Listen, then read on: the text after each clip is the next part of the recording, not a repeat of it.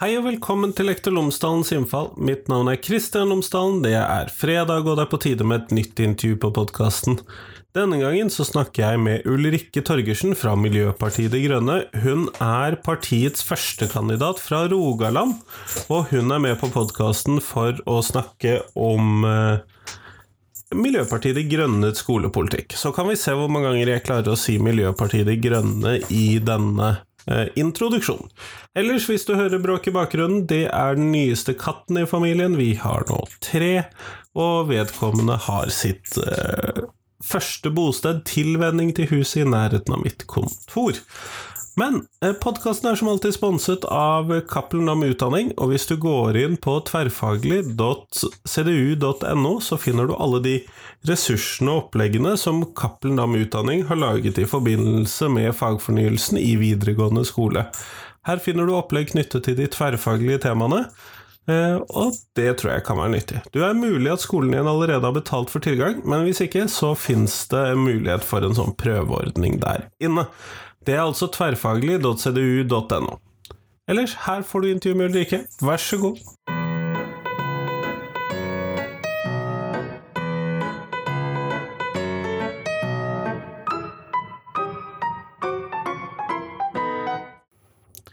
Ulrikke Torgersen, tusen takk for at du har tatt deg tid til meg i dag.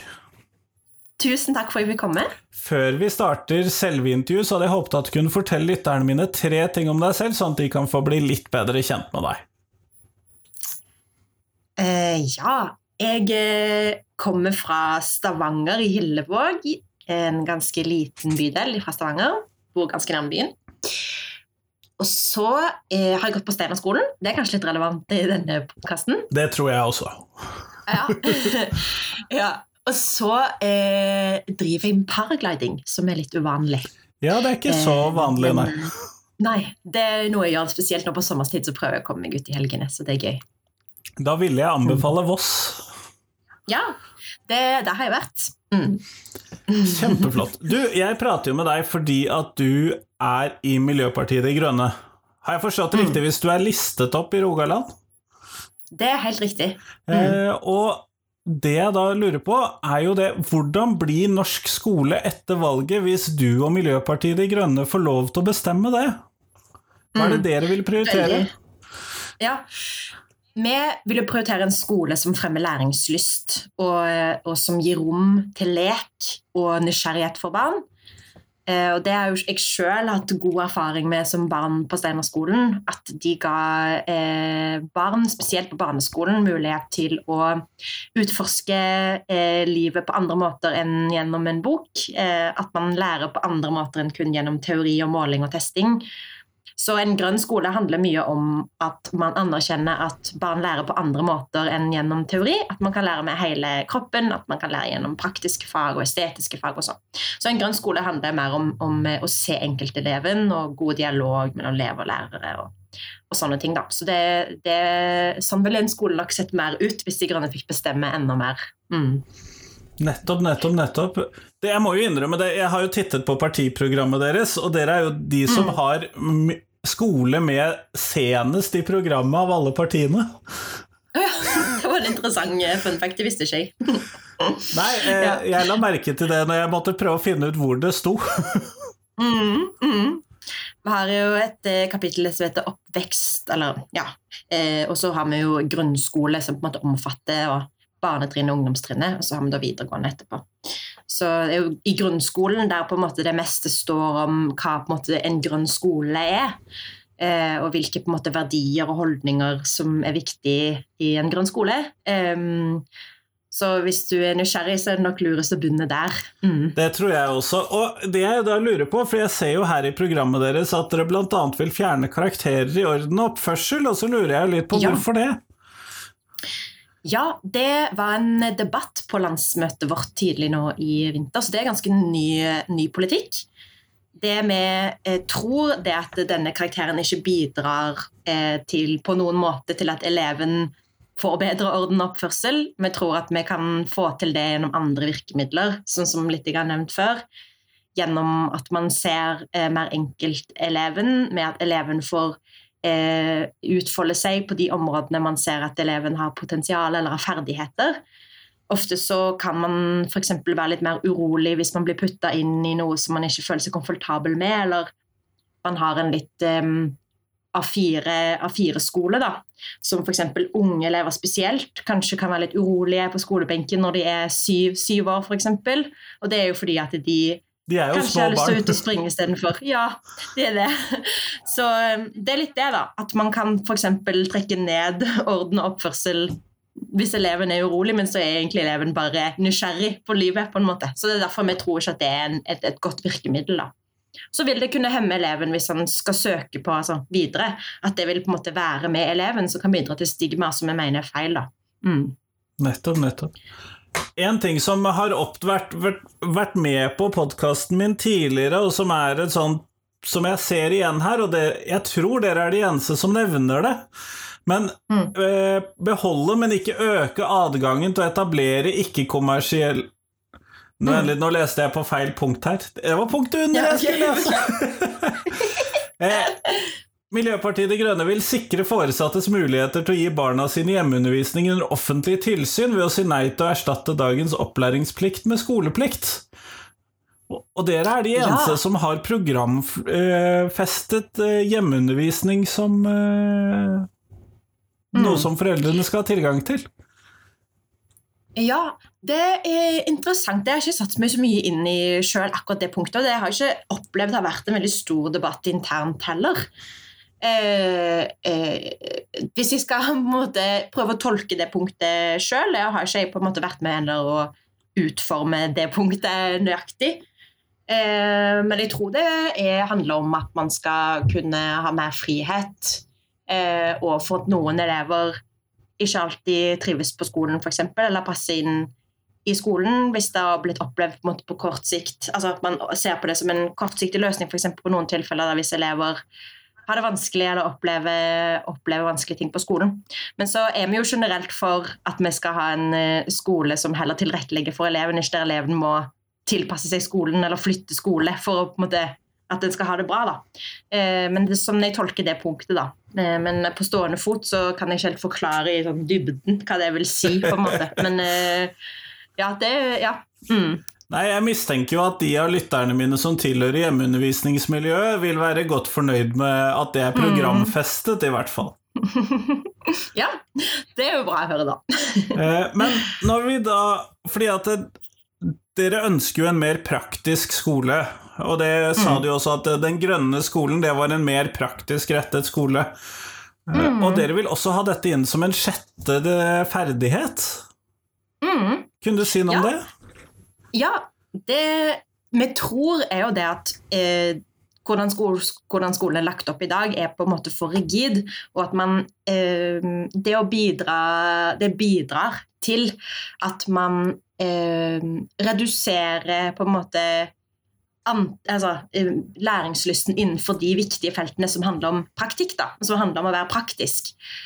Og vi tror at eh, å på en måte programfeste det og vise at vi syns dette er viktig, bidrar med forhåpentligvis vi håper, bidrar til at skolen vil eh, øke verdien i det, og at elevene på en måte føler at dette er viktig. Da.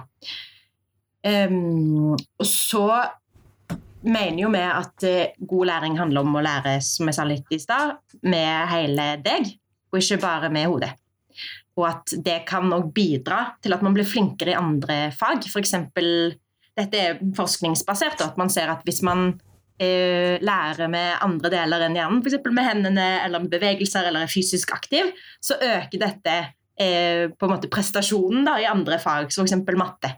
Um, så jeg tror jo at dette handler om et større bilde, at uh, man skal få plass til flere, at skolen skal være på en måte en, eh, et sted der flere føler at de passer inn, men òg der man bidrar til å på en måte dyrke de som er flinke på de ferdighetene. Da. Så vi tror dette vil ha utelukkende positive konsekvenser og øke på en måte verdien i de praktiske fagene. Eh, og slutte litt med den tankegangen som har vært tidligere, at det er mye teori, eller kun teori, og at det er sånn man måler ferdigheter eller framgang. Da. Mm. En av de store problemstillingene i dette er jo at uh, kunst og håndverk for eksempel, og de andre praktisk-estetiske fagene er jo nettopp de fagene hvor man mangler kvalifiserte lærere. Fordi at det, mm. det mangler lærere som har fagkompetanse på dette området. Mm. Ja, det er jo et problem som man er nødt til å ta tak i samtidig, da. Og vi vil jo samtidig som vi på en måte øker eh, skal man si, rykte eh, eller, eh, rundt praktiske fag, så vil man òg eh, sørge for å utdanne flere kunsthåndverklærere, flere sløydlærere, flere lærere i, i, gym og i mat og helse f.eks., som har den utdanningen som skal til, og som ikke på en måte f.eks. er har mastergrad i noe annet, og så på en måte blir satt på kunst og håndverk. I tillegg har venner som tar lærerutdanning nå, f.eks., som har mastergrad i kjemi, men som ikke kan få jobb eh, hvis de ikke på en måte kan undervise i kunst og håndverk, selv om de ikke har den egentlige kompetansen, eller de har ikke mastergrad i kunst og håndverk. da. Så det vil vi jo sørge for på en måte blir mer, og eh, at det blir en, på en måte en parallell utvikling. da. Vi kan ikke bare øke omfanget av kunst og håndverk uten å ha kompetente lærere på det. på en måte. Mm. Jeg må nesten spørre, siden du kommer fra Steinerskolen, men blir det nå sånn at det da blir lærerarbeid og smie i kunst og håndverken på den offentlige skolen? Ja, hvis du spør meg, så hadde jo, jeg syntes det vært veldig, veldig gøy. Altså Dette med trearbeid, f.eks., det er jo kjempeviktig å kunne. Og en viktig når man skal f.eks. Eh, både på hyttene og hjemme og overalt, egentlig. Så jeg tror jo både det er viktig liksom, generelt i livet, og så driver jo det med å måtte, utvikle, utvikle, elevene og utvikle barn og unge til å lære. Og bli gode, gode mennesker på andre måter enn gjennom eh, matte og fysikk. Da. Mm. Og trearbeid har jo, lang, eh, har jo lang tradisjon i norsk skole. Det har jo det. Ja, ja det har det. men, så eh, nei, jeg tror dette er viktig, altså, med praktiske fag og estetiske fag. Og det tror jeg vil bare bli en mer inkluderende skole òg. Mm. Og det er jo viktig. Eh, og en mm. av de problemstillingene som jeg hører mye om i forbindelse med dette arbeidet på podkasten, er jo ressurser til sånn som assistenter og andre, mm. andre yrkesgrupper og andre ressurspersoner i skolen. Hva tenker dere om det? Vi tenker at det skal bli eh, flere lærere på flere, altså flere lærere på samme mengde elever, eller færre elever per lærer. Dette er jo en ganske omfattende debatt som mange partier mener mye om. Men det som er viktigst for oss, er jo først og fremst at elevene får et godt forhold til læreren, og at læreren evner å se den enkelte eleven. Og dette handler jo både om at eh, eleven skal føle seg trygg, og trygg til å kunne stille spørsmål og dermed lære mer. Eller f.eks. at man skal kunne plukke opp tidlig eh, ting som ikke handler om måte, direkte skole, da, men ting som psykiske problemer eller, eller mobbing eller eh, andre, andre, ting som handler om sånn, mellommenneskelige forhold og elevene i klasserommet. Så dette handler jo om at måte, Skolen er jo en stor del av et barns oppvekst, og lærerne skal jo ikke bare lære elevene eh, teori, de skal jo lære dem liksom, å mestre hverdagen, mestre liv, livsmestring. Så da er det jo viktig at man da klarer å bli kjent med de man skal lære. Det har jo vært en del store diskusjoner knyttet til norsk skole dette halvåret. Jeg trodde egentlig at den store saken kom til å bli smittevern, og at ingenting kom til å roe ned lærerne etter smittevernet, men så kom jaggu fullføringsreformen, og så kom mm. Eh, lærerstreiken. Sånn at det har vært et mm. temperaturfylt halvår i norsk skole. Mm. Eh, mm. det har det. Og det er jo tydelig at det ligger potensielt noen rekrutteringsproblemer for norsk skole i knyttet mm. til dette, og det er jo da særlig det siste temaet som jeg da tar opp. Og da lurer jeg jo litt på hvordan tenker dere at man skal løse de rekrutteringsproblemene vi har i norsk skole? Eventuelt kan ja. få etter streiken? Mm. Ja. Nei, vi stiller oss jo altså, veldig bak det som er grunnlaget for streiken, som handler om eh, at man som lærer har, blir på en måte pressa veldig til å, å, gjøre mye på eh, lite ressurser. Og man har mange elever, man har lite tid, man har en, en um, plan som man må på en måte fullføre. Og så er man kanskje alene. Men så får man, eh, er det òg eh, lønnen som er veldig, veldig prekær her. Og dette gjelder jo Altså nå har vi både hatt en lærerstreik og en sykepleierstreik samtidig, og begge disse to yrkesgruppene er jo eh, altså desidert er på en måte er blitt underdimensjonert i forhold til eh, lønn. Og vi tenker jo at eh, det er en av de viktigste tingene man kan gjøre for rekruttering, å vise at vi verdsetter lærere og sykepleiere på andre måter enn å gi applaus. Så vi har jo lyst på en, en, eh, en, forhøya lønn for de, i tillegg til at vi har lyst til å, på en måte, som jeg sa litt med strukturen i skolen, sørge for at lærerne ikke føler på det enorme presset som de kanskje føler på i sin hverdag i dag. Og dette handler om eh, vi har eh, mindre klasser, f.eks. Eh, eller at man har andre måter å vurdere elevene på, så det ikke blir veldig et sånt måle- og testepress på lærerne, som òg tar veldig mye tid, og tid vekk fra klasserommene. Og det er jo dette jeg bærer med meg veldig gode erfaringer her sjøl, mener jeg da, fra Steinerskolen. Eh, der jeg eh, opplevde lærerne som veldig til stede i klasserommene, og der de i mindre grad var nødt til å på en måte sitte og bruke tiden sin på å rette prøver, men var mer til stede og kunne diskutere med oss i klasserommene. Og det var for meg veldig verdifullt. Jeg syns det var mm, veldig gøy og spennende å ha gode diskusjoner i klassen. At læreren foreleste mye, at vi slapp å sitte alene med bøkene i klasserommet f.eks. Dette handler om tid og ressurser for læreren òg. Og jeg opplevde lærere som var oppriktig engasjerte og eh, nysgjerrige på oss og syntes det var veldig spennende å forelese for oss. Og når de kjenner på det, så tenker jeg jo at det innebærer at de føler at de har tiden til å kjenne på det, og de ikke stresser. Så dette handler jo om en skole der man eh, prioriterer tid sammen med elevene, og mindre tid der man sitter og skal måle og teste elevene. Da. Så dette handler jo om et større bilde, og jeg tror at hvis man klarer å skape en sånn skole, vil det bli mer attraktivt å bli lærer. At man ser at det er gøy og motiverende, og at det er jo elevene som først og fremst altså Det er jo derfor man blir lærer, tror jeg. da. Og som jeg har hørt fra de som har sagt og søkt på den utdanningen, det å komme tett på barn og unges liv og oppvekst og bidra til eh, utdanning for barn og unge. Det er jo ekstremt viktig og den viktigste oppgaven vi har i samfunnet. Så eh, hvis man da ender opp med å sitte og føle at man blir pressa inn i et system eller må måle og teste, så blir det jo kanskje det veldig demotiverende for mange. Så eh, mm. Mm. Men du peker jo på stress her, og da har jeg jo lyst til å se litt på et sånt annen stressfaktor som jeg i hvert fall har vært veldig opptatt av de siste årene. og det for jeg ser jo her at dere har lyst til å gi elevene spise, rett på spisepause innendørs i 30 minutter. Eh, mm. Og da vil jeg bare si det at det er jeg veldig glad for. mm. Ja, det er jeg jo veldig stolt av og glad for at vi har. fordi som sagt så er jo skolen er jo i stor grad en del av hverdagen gjennom mange, mange år. Og det er viktig å etablere gode vaner tidlig. Både når det kommer til regelmessige måltider og utetid og um, tid med venner.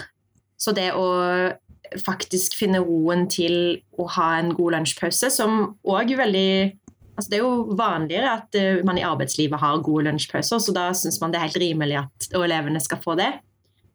Og få ro rundt mat, matro, er veldig viktig, tror jeg, for spesielt barn. Å verdsette gode matvaner og det å kunne sitte i ro og slappe av, da. Når kanskje resten av skoledagen eh, fylles av inntrykk og lek og, og mye, mye læring og kanskje mye press og ja. Så jeg tror den, de 30 minuttene er veldig viktig. Eh, spesielt for unge barn. Mm. Men det vil jo da koste en del penger når man da må ha lærere der som ikke da kan drive undervisning, for dette må jo komme i tillegg til undervisningstiden til lærerne? Ja, og dette tror jeg vil ha lønne seg eh, på sikt. Både der og da, men òg altså, bidra til eh, økt glede både for barn, at de får ro rundt mat. Da er det jo større evne til å på en måte konsentrere seg senere. Det å faktisk spise. Og det tror jeg òg handler litt om det at man, man, kan kanskje avdekke de barna som kanskje ikke har med seg matpakke. Um, at man får en slags ro rundt det med mat, tror jeg vil ha gode konsekvenser på sikt. Det å skape um, mindre stress og press har jo ikke bare en, på en måte en, en uh, hva skal man si, sånn nåværende eller daværende konsekvens, men det vil ha en konsekvens på sikt at man uh, man gir eh, sunne Man, man liksom fremmer sunnhet, man fremmer, um, man fremmer livsglede. Da. Det er jo mye glede i mat òg. Å dele et måltid er jo viktig. å lære seg tidlig. Um, så jeg tror at det er spesielt nå som der holdt på å si, hørtes litt gammelt ut, nå høres jeg litt gammel ut i hodet, men at samfunnet går litt fort. Så det er viktig å finne tid til sånne rom der man får litt pustepause. Eh, det tror jeg vil ha gode konsekvenser på sikt, og at man vil tjene det igjen som samfunn. Man får eh, sunnere og gladere barn og unge. Mm. Og der syns jeg du avsluttet på en fin sånn note som leder meg litt over til neste spørsmål, for jeg aner en viss sånn skeptis, skepsis til digitale hjelpemidler eller til eh, PC og nettbrettbruk og sånn i programmet. Ikke en eh, skepsis som på en måte er uh, ubegrunna eller på en måte grunnleggende, at man på en måte har en generell, prinsipiell skepsis. Men det vi sier, er jo det at vi ønsker å utrede eller på en måte sørge for at de hjelpemidlene man har, skal funke. Og at uh, man ser, liksom sørger for at det blir gode begrunnelser for å bruke dem. Fordi man, det man ser nå, at det er, eh, man bruker det i mye større grad på en måte som man kanskje ikke vet konsekvensene av. Og da er det veldig viktig å kanskje sakke litt ned og se på hva som kan være konsekvensene. Og så eh, heller holde litt an, da. Fordi at eh, jeg, altså Personlig da, så tror jeg ikke at eh, at det på en måte er løsningen på f.eks. det å lære mer som barn å lære Det jeg tror er veldig viktig, det er jo, er jo menneskelig kontakt. Eh, og f.eks. sosial utdanning, eller på en måte, og det å lære, lære det å interagere med andre mennesker er en veldig viktig del av utdanningen.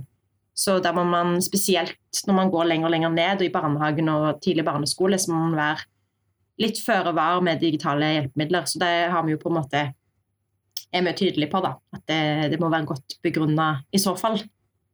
Um, men så er det jo god læring gjennom, gjennom f.eks. spill. Og der har vi jo òg programfesta dette med at vi ser på det som en e-sport. At det skal være på en måte en eh, større verdi i f.eks. kultur og spill og sport. Men det, i skolehverdagen da, så handler jo kanskje ikke det nødvendigvis om, om akkurat det. Um, men det er f.eks. å lære språk og det å lære eh, man si, Reaksjonsevnen har jo blitt forskningsbasert eh, vist at man kan eh, bli bedre om man driver med spill. Men det er jo ikke helt det som det handler om, da.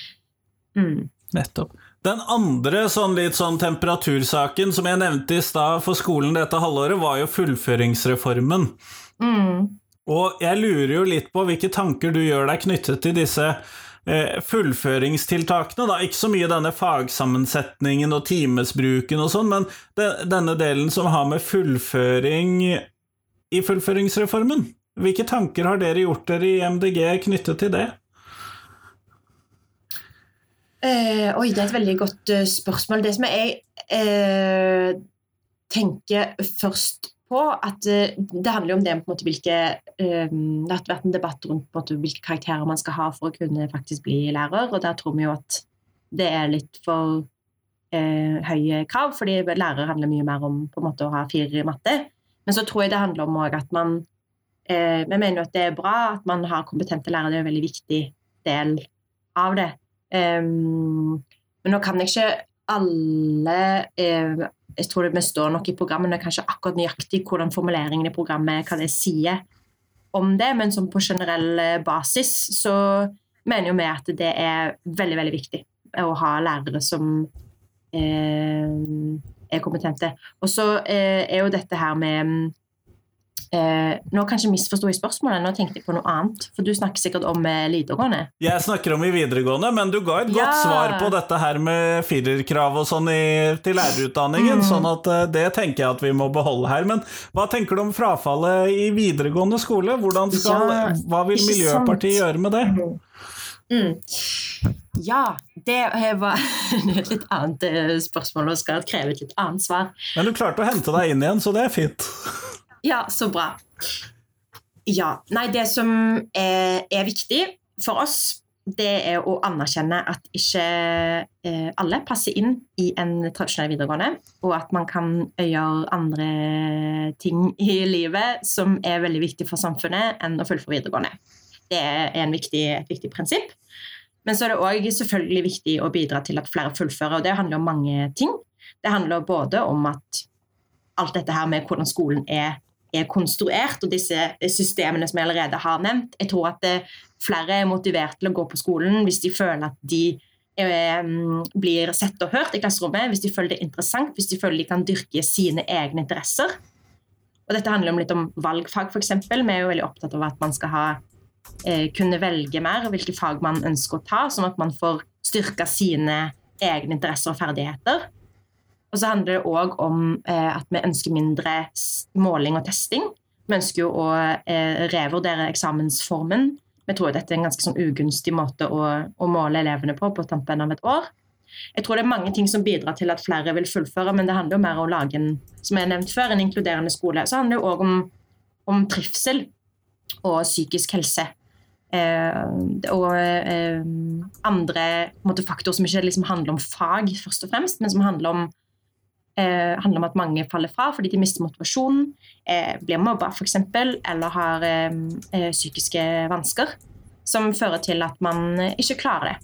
Eh, og da mener vi at eh, man skal kunne fullføre videregående på flere enn tre år, f.eks. At det skal bli lettere å fullføre på fem år. fordi at man Det er ikke alle som som klarer det på tre år, f.eks. Eller alle, noen andre trenger mer tid. Og mennesker er jo forskjellige, og ikke alle passer inn i det systemet. og Det handler litt om det vi snakket om før. At skolen skal være tilpassa elevene, og at ikke elevene skal føle at de blir pusha inn i et A4-system. da.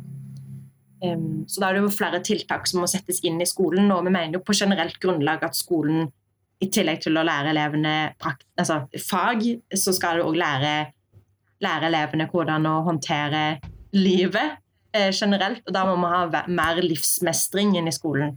Altså mer fag som handler om hvordan ehm, eh, å håndtere livet på generell basis eh, eh, er, og ikke bare liksom, konkret matte og, og engelsk, liksom.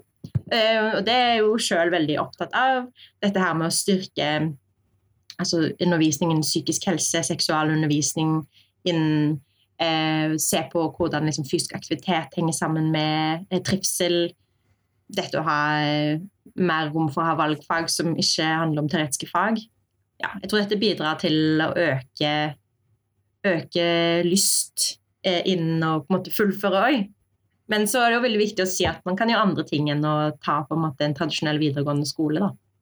Um, det med fag eh, altså å øke, eh, øke, flere, øke antallet som søker på, på fag, faglinjer, altså yrkesfag, er jo òg en sånn kampsak for oss. fordi det er jo ekstremt viktig f.eks. i det grønne skiftet at vi har flere fagarbeidere og yrkesfagarbeidere. Nettopp, nettopp. Mm. Men eh, ofte så er det jo en sånn flaskehals der at det ikke er nok lærlingeplasser. Mm. Ja, vi vil mm. Ja, Vi vil øke antall lærlingplasser det har vi programfesta, og sørge for at det blir lettere å um, ansette lærlinger. At det blir billigere og lettere å ansette dem. Um, så dette er jo òg et problem som vi selvfølgelig må ta tak i, og som vi har programfesta er, er, viktig for oss.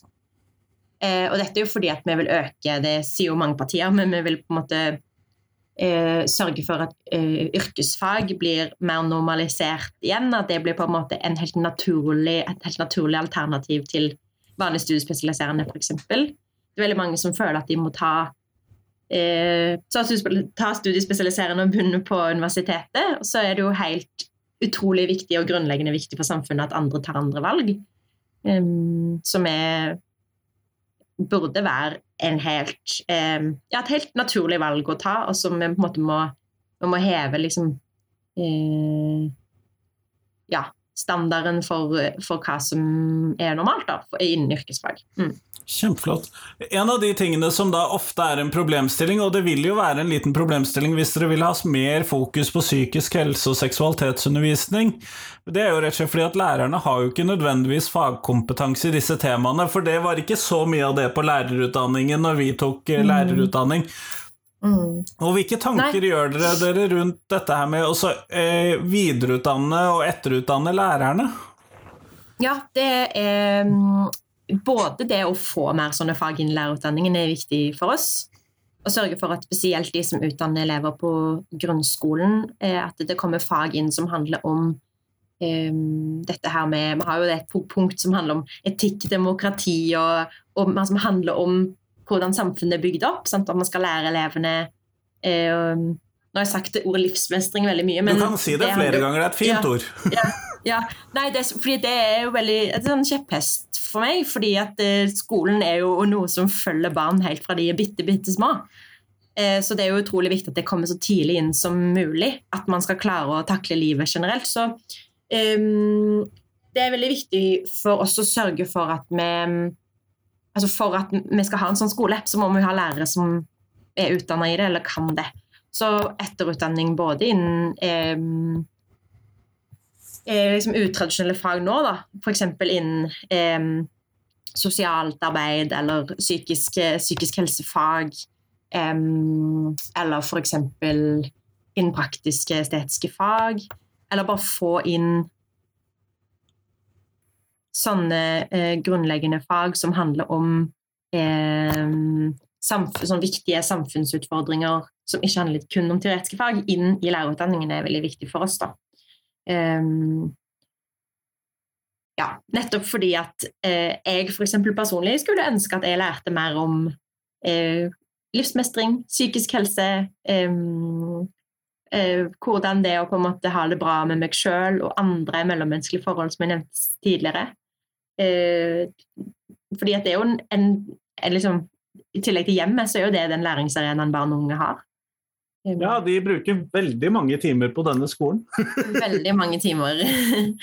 Så det er jo utrolig viktig at de har, føler at de nesten at de, på en måte, Det er jo oppdragelse, spesielt på barneskolen, um, som på en måte i praksis. da. Jeg husker sjøl at jeg um, jeg, trivdes, jeg, trivdes, veldig godt på barneskolen, og der føler jeg meg veldig heldig. Så jeg husker jo sjøl at jeg mye av på en måte min, min oppdragelse og min læring kom fra min kontaktlærer som jeg hadde hele barneskolen, fra andre til eh, syvende klasse. Og mye av det jeg lærte, og mye av det som vi gjorde, har jeg vært med meg mye siden det har på en måte forma meg som person. Så jeg tenker jo det er jo de som har en helt motsatt erfaring, de som kanskje har hatt en kontaktlærer som ikke har vært til stede, eller eh, de har ikke følt at de passer inn, det kommer til å prege de hele livet òg. Så, um, og det er jo der vi utdanner liksom fremtidens arbeidere og fremtidens samfunnsborgere, så det er utrolig viktig at det legger et godt grunnlag, da. Mm. Det er jo ikke kanskje sånn brannfakkel å si, da, men eh, Nei, jeg tror nok ikke at du fyrer opp et stort bål med det, men Nei. det er jo viktig å si samtidig. Men mm -hmm. vi går mot slutten av podkastintervjuet, ja. Ulrikke, og da lurer jeg jo på hva er de tre viktigste tingene som skolen lærer elevene? Da vil jeg gjenta livsmestring. Jeg er ikke veldig overrasket. Nei, det er ikke, det er, ikke det er bra. Da hadde jeg i hvert fall kommet inn noe. Um, ja, det er jo veldig omfattende, et veldig omfattende ord. Um, så vil jeg kanskje si uh, praktiske og estetiske fag. Uh, og at det er en helt naturlig del av det å være menneske, og mestre andre ting enn teoretiske fag. Um, og så er det det å være et godt medmenneske. Eh, og det handler litt om at vi ønsker, som jeg nevnte litt, og vi skal ha mer, ønsker mer fag om demokrati og eh, altså menneskeverd, ta vare på naturen, sånne ting som handler om det å være et godt medmenneske både for andre mennesker, men for dyr og natur og, og sånn. Eh, ansvaret vi har som mennesker å ta vare på hverandre, er jo en veldig viktig ting å lære i skolen. Mm. Kjempeflott. Tusen takk for at du tok deg tid til meg i dag, Ulrikke. Tusen takk for at jeg fikk komme. Det var veldig hyggelig.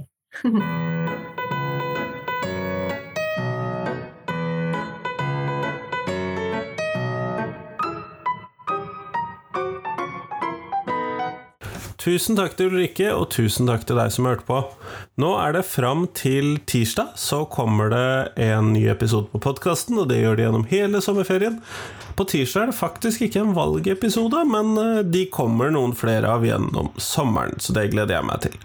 Ellers Del podkasten min med noen, skriv et review, send meg tips, alt sammen. Finn Facebook-gruppen, finn meg på Instagram, osv., osv. Jeg gleder meg til en fortsatt podkastede sommer. Ha en fin uke. Hei, hei!